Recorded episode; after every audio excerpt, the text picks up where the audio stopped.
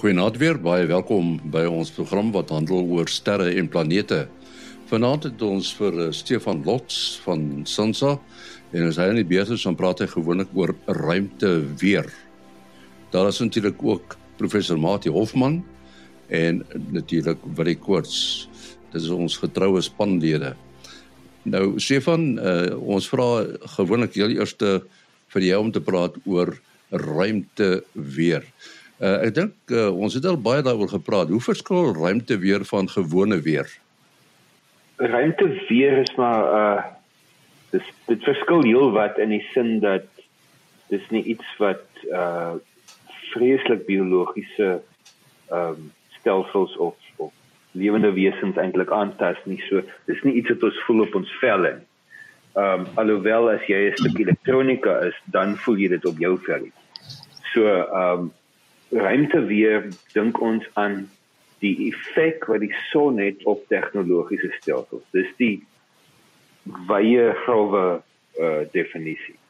En die manier hoe die son dan nou uh, tegnologiese stelsels kan beïnvloed is eintlik nou maar deur die elektromagnetiese spektrum. Ehm um, wat dit beteken is radiogolwe, X-straalgolwe en dan nou nog hoër frekwensie uh bestraling is alles goed wat of die kommunikasie tussen tegnologie stelsels kan beïnvloed of die elektronika op so 'n stelsel uh, spesifiek. En dan as ons dan nader aan die aarde beweeg, ehm um, die fluktuasies van die aarde se magneetveld het dan nou ook 'n effek op 'n tegnologiese stelsel. 'n Baie eenvoudige voorbeeld is 'n kompas as die magneetveld dan ontwikkel, dan gaan die kompas ook ontwikkel.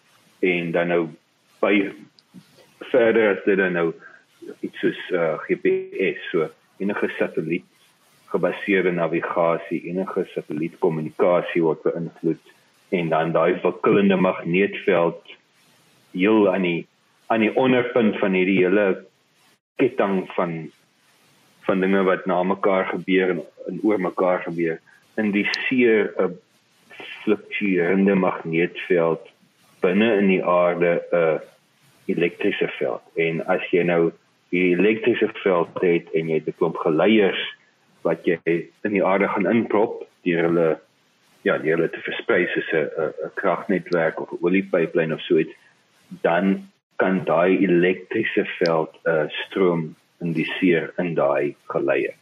So nou praat ons ons het nou begin by ruimte weer.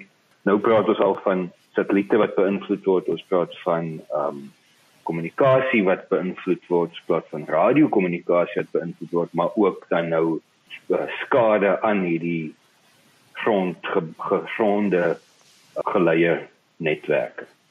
Ehm um, wat dit vir ons hier in Suid-Afrika prakties beteken is dat daar's 'n lae frekwensie stroom wat in Eskom se netwerk vloei wat nie daar hoort nie daai lae frekwensie stroom veroorsaak dat transformators um buite hulle normale reikwydte werk en dan kan daar ding plaasvind waar dan nou hierdie hierdie stukkare waar kan kan beskadig.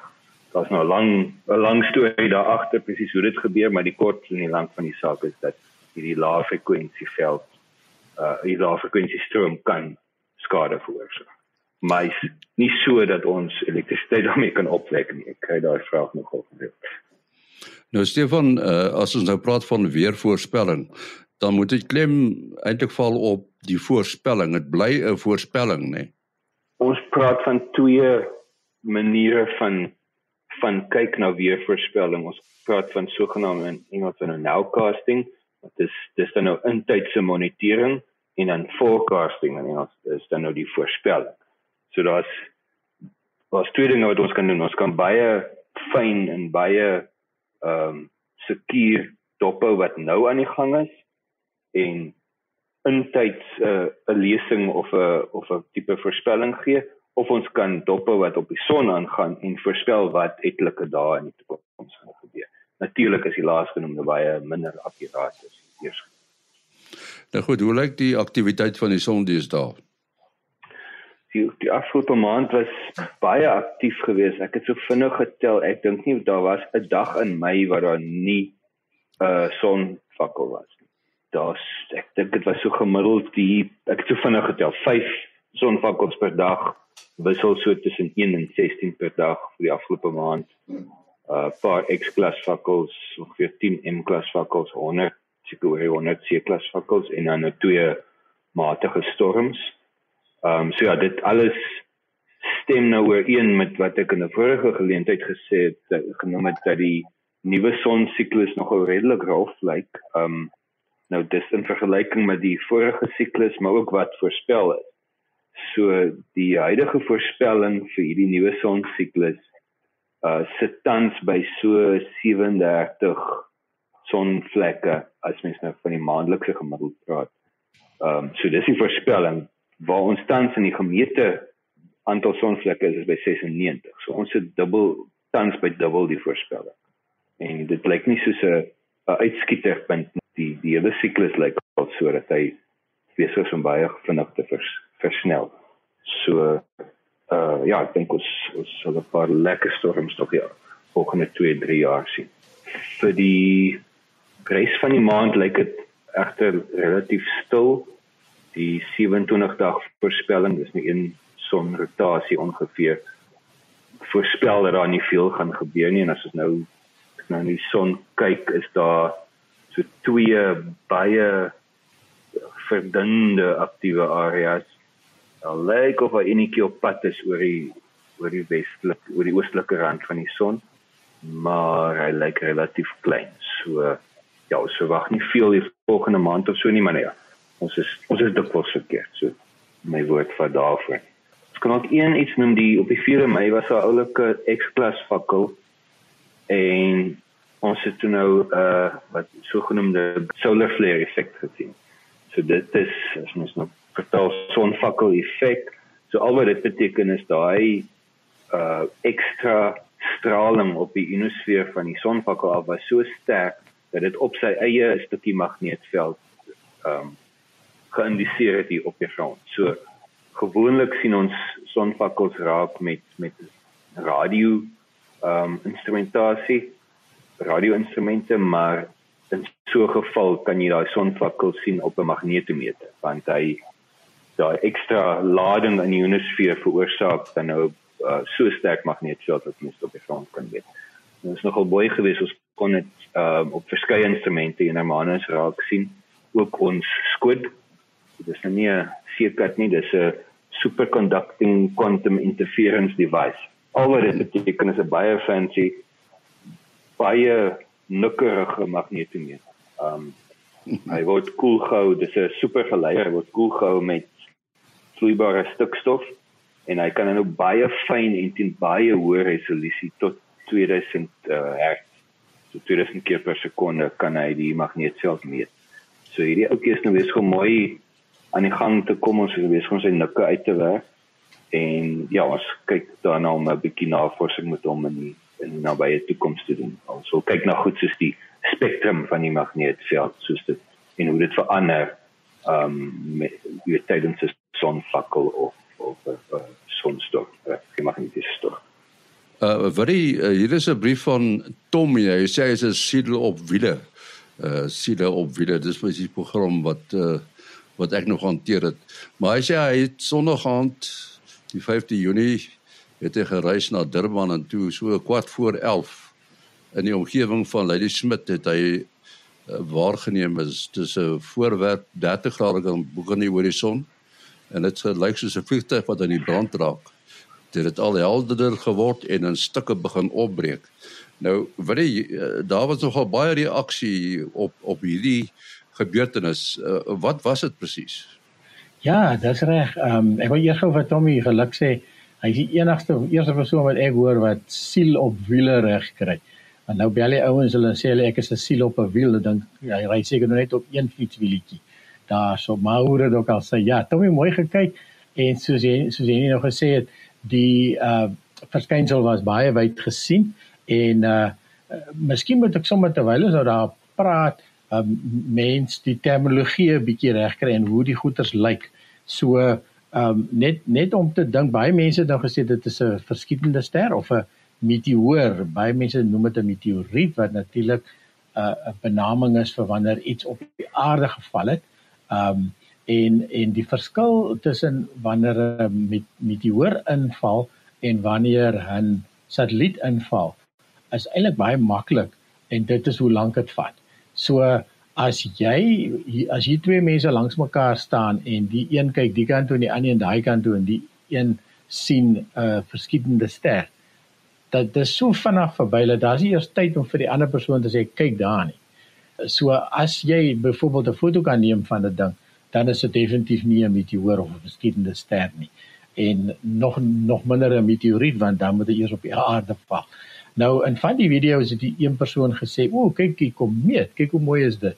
Nou baie mense dink dis soos 'n komeet moet lyk. So 'n ding wat so beweeg met 'n ster daarna binne 'n paar minute is hy van een horison na die ander en hy's weg. En natuurlik komete beweeg wel vinnig deur die ruimte, maar hulle is miljoene kilometers ver wat beteken dat van aand na aand kan jy sien hoe die hoe die komeet beweeg het of as jy 'n lang beligting neem, uh, jy begin vroeg aand en later dan kan jy sien daar was effens beweging teen die teenoor die sterre op agtergrond.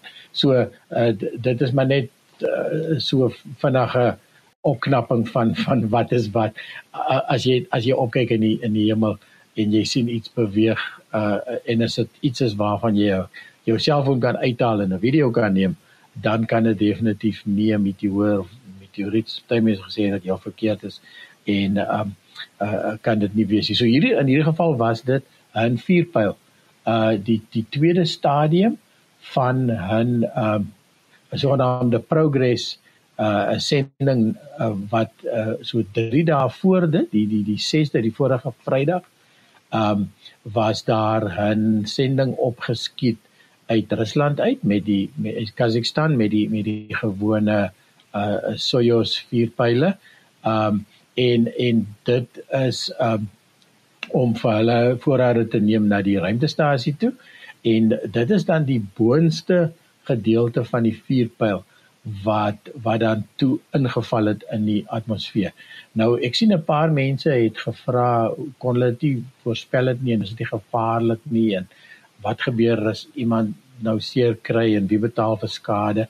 En en die plus van goeder so die die die uh, uh die voorspelgedeelte uh, is natuurlik uh, relatief moeilik omdat die aarde se atmosfeer se digtheid in die boonste laag nie perfek in die eerste plek glad is nie. En is ook nie homogeen nie so daar's klonte en stukke wat uitskiet en so aan. En dan die die goed wat Stefan van praat die sonaktiwiteit dit laat ook die atmosfeer uitswel en inkrimp. So hulle kan wel voorspel op uh, min of meer in watter omgewing dit gaan val en die verwagting was toevallig geweest dat dit op die vorige uh, wentelbaan sou inval en dan sou dit net uh, op die see in die see geval het sodat Suid-Afrika gemis het.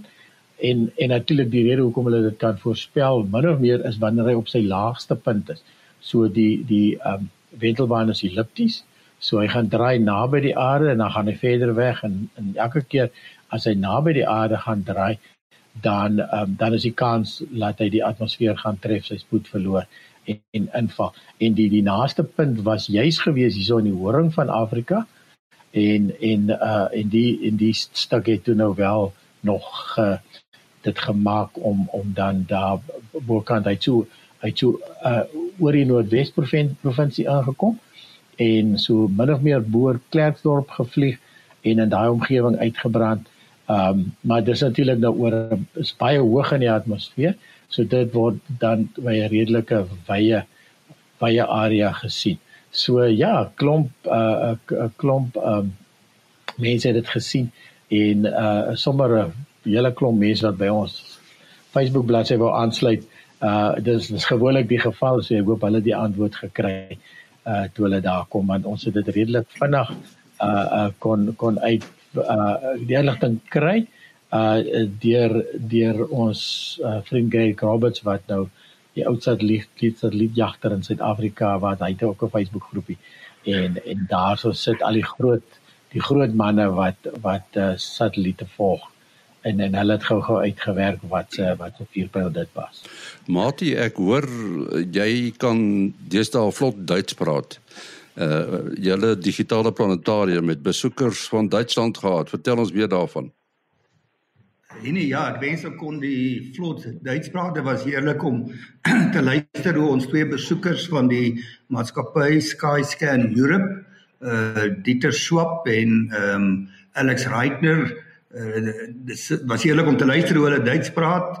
Ek kon net hoor as hulle getalle sê in Duits, die res moes ek nou maar raai. Ehm um, maar in elk geval hulle het uh, groot werk om doen hierso om ons planetarium wat nou amper 10 jaar oud is. Nee, dis nou amper 9 jaar te kom opgradeer in uh 9 jaar gebeur baie dinge in die rekenaartegnologie en die projeksie tegnologie en natuurlik ook rekenaars wat uh baie hard werk oor die jare moet maar een of ander tyd vervang word of ten minste sekere onderdele vervang word. Uh so ons kon nou opgradeer na die nuutste laser projektor tegnologie en die hele rekenaarstelsel is vervang met baie kragtiger rekenaars, minder rekenaars wat uh meer werk kan doen as die uh meer rekenaars wat ons voorheen gehad het.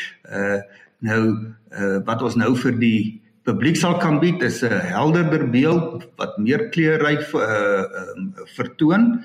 Nou as mens nou aan uh projekte en goed lyk, mense dink altyd helderheid is die belangrikste ding. Dit is nie altyd dit is nie die enigste ding wat belangrik is nie. Uh veral nie in 'n planetarium nie, want in 'n planetarium maak mense dit taamlik donker. So mense oog kan nog nogal taamlik aanpas by dowwer beelde. Uh wat baie belangrik is is uh kontras en dan ook die die uh, nie net die kontras tussen uh lig en donker nie maar uh ook die kontraste tussen die verskillende kleure. Ek uh Engelse term praat hulle van color saturation. Nou in 'n planetarium wat nou 'n koepel het, 'n halwe sfeer, ehm um, het 'n probleem of 'n kompleksiteit wat 'n gewone platskerm nie het nie. Van 'n platskerm word daar natuurlik nou lig verstrooi maar daai lig wat verstrooi word, gaan nie weer terug na die skerm toe nie. Maar in die geval van die koepel is daar 'n uh, oorkruis uh verstrooiing van as van die voorkant van die planetare verstrooi lig na die agterkant toe en daai lig wat verstrooi is is nie meer nuttige lig wat inligting wat bydra tot die beeld nie dit gee net blote agtergrondlig wat dan jou kontras uh verswak. En dan uh wat baie belangrik is ook vir projektors wat mense in 'n planetarium uh, wil gebruik is jy wil die aard van die saak jou sterrehemel akkuraat as moontlik uh nadoen en daarvoor het jy 'n donker agtergrond nodig. Nie heeltemal swart noodwendig nie want die naghemel tussen die sterre is nie heeltemal swart nie, maar uh in elk geval taamlik donker veral natuurlik as daar nou die maanlig is en uh, en so aan is so aan nie. Nou histories was dit nou een plek uh, aspek waar uh, digitale projektors nog nie kers kon ophou met die klassieke optomeganiese projektors wat nou net spesifiek sterre geprojekteer het nie. Hulle kon 'n baie baie donker agtergrond uh, handhaaf, maar nou die nuutste laserprojektors gee vir ons 'n baie donker uh, agtergrond. Uh, uh meer realistiese sterrehemel uh en dan omdat die agtergrond donker is gee dit soveel te meer minder lig wat heen en weer verstrooi word en dit verhoog dan jou kontras. So uh, ek was uh baie aangenaam verras oor die pragtige beeld wat ons nou kry. Uh so ek dink die publiek wat hier besoek sal net dit baie meer aanskoulik vind en dan met die nuwe rekenaars is daar baie ekstra funksionaliteite in die in die data ons kan ook 'n bietjie meer ernstige data visualisering aanpak. Ehm um, dit is absoluut verstommend die ouens wat hierdie sagte ware ontwikkel uh wat hulle alles doen dit is uh, verstommend wat die rekenaarstelsels alles gelyktydig in hulle kop uh, in hulle breine kan hou met al die verskillende vensters wat mens kan oopmaak. Ek meen dit wat ons op 'n gewone uh kantoorrekenaar kry met 'n aantal vensters en uh op jou uh, jou soek engine en al jou ander layers. Ehm um, uh lyk klaar uitdagend, maar dit is nie enigstens vergelykbaar met wat op 'n planetarium uh, stelsel is nie. Daar's so baie verskillende vensters waar tussen jy moet kan kan navigeer en data stelle wat op die knik van 'n knoppie beskikbaar is met betrekking tot al die sterrestelsels wat bekend is in die heelal en al die nevels, die ligvoorwerpe, die sterre. Uh en dit al daai data uh is gebaseer op werklike wetenskaplike data um uit al die sterrekundige katalogusse uit. En dan benewens dit het mense nou 'n verskeidenheid van die volkoepel films. Ehm um, nou ons uh, gaan nou in die so voor die einde van die Junie gaan ons nou vir die publiek weer heropen. Uh almal sien baie daarna uit. Ons het gereeld navrae gekry. Ons moes nou vir 'n hele tyd gesluit het. Ehm um, toe ons nou agterkom ons moet nou die stelsels begin vervang en die fondswerwing het tog al 'n redelike tyd gevat. En nou gelukkig het die universiteit ons uh, Universiteit van die Vrystaat self 'n uh, baie groot deel van die befondsing beskikbaar gestel uh om hierdie opgradering te kan doen. En uh ons het baie uh opwindende materiaal wat ons met die publiek kan deel. Hulle kan maar net ehm um, kyk ek sal op sterre en planete se Facebook groep sal 'n bietjie inligting deel, maar hulle kan maar net op Facebook soek na Naval Hill Planetarium. Hulle sal by ons Facebook groep uitkom en ons ehm um, programme word daar gelaai. Uh soos mens nou maar die sogenaamde events op Facebook uh, groepe laai en dan is daar sommer net by die druk van 'n uh, 'n knoppie kan hulle by CompuTicket uitkom om besprekings te doen. So dit sal seker nou so binne uh, 10 dae uh gaan ons programme weer daar verskyn En ehm um, dit was baie baie aangenaam om die twee Duitse besoekers, hulle het 'n goeie sin vir humor ook en hulle het ons omgewing hier op die op Naval Hill tussen die wilde diere, die zebras en kameelperde, hulle het dit geniet. Hulle het gereeld hier op die planetarium se terrein gekom en uh, so bou ons maar verhoudinge met uh, kundige mense reg oor die wêreld. Ja, ons uh, moet ook gesels vanaand met Clyde Foster. Uh u onthou ons het in die verlede met hom gesels oor Clyde Spot. Dit is die kol wat hy ontdek het op Jupiter. Nou uh Clyde is uh onlangs vereer deur 'n sterrekundige vereniging in Brittanje en ons gaan so 'n paar woorde met hom praat oor wat dit presies vir hom beteken. Uh hi Henny, always uh always good to chat to you. Yeah, this came as uh, very much as a, a, pleasant surprise over the weekend, where I was informed by the British Astronomical Association that um, they had had a council meeting on the 25th of May in, in London. And as one of their annual awards, I had been put forward by the director of the Jupiter and also the Mars section of um, the association for the uh, the Stevenson Award. Now, the Stevenson Award is, is given in recognition of an outstanding contribution to observational astronomy.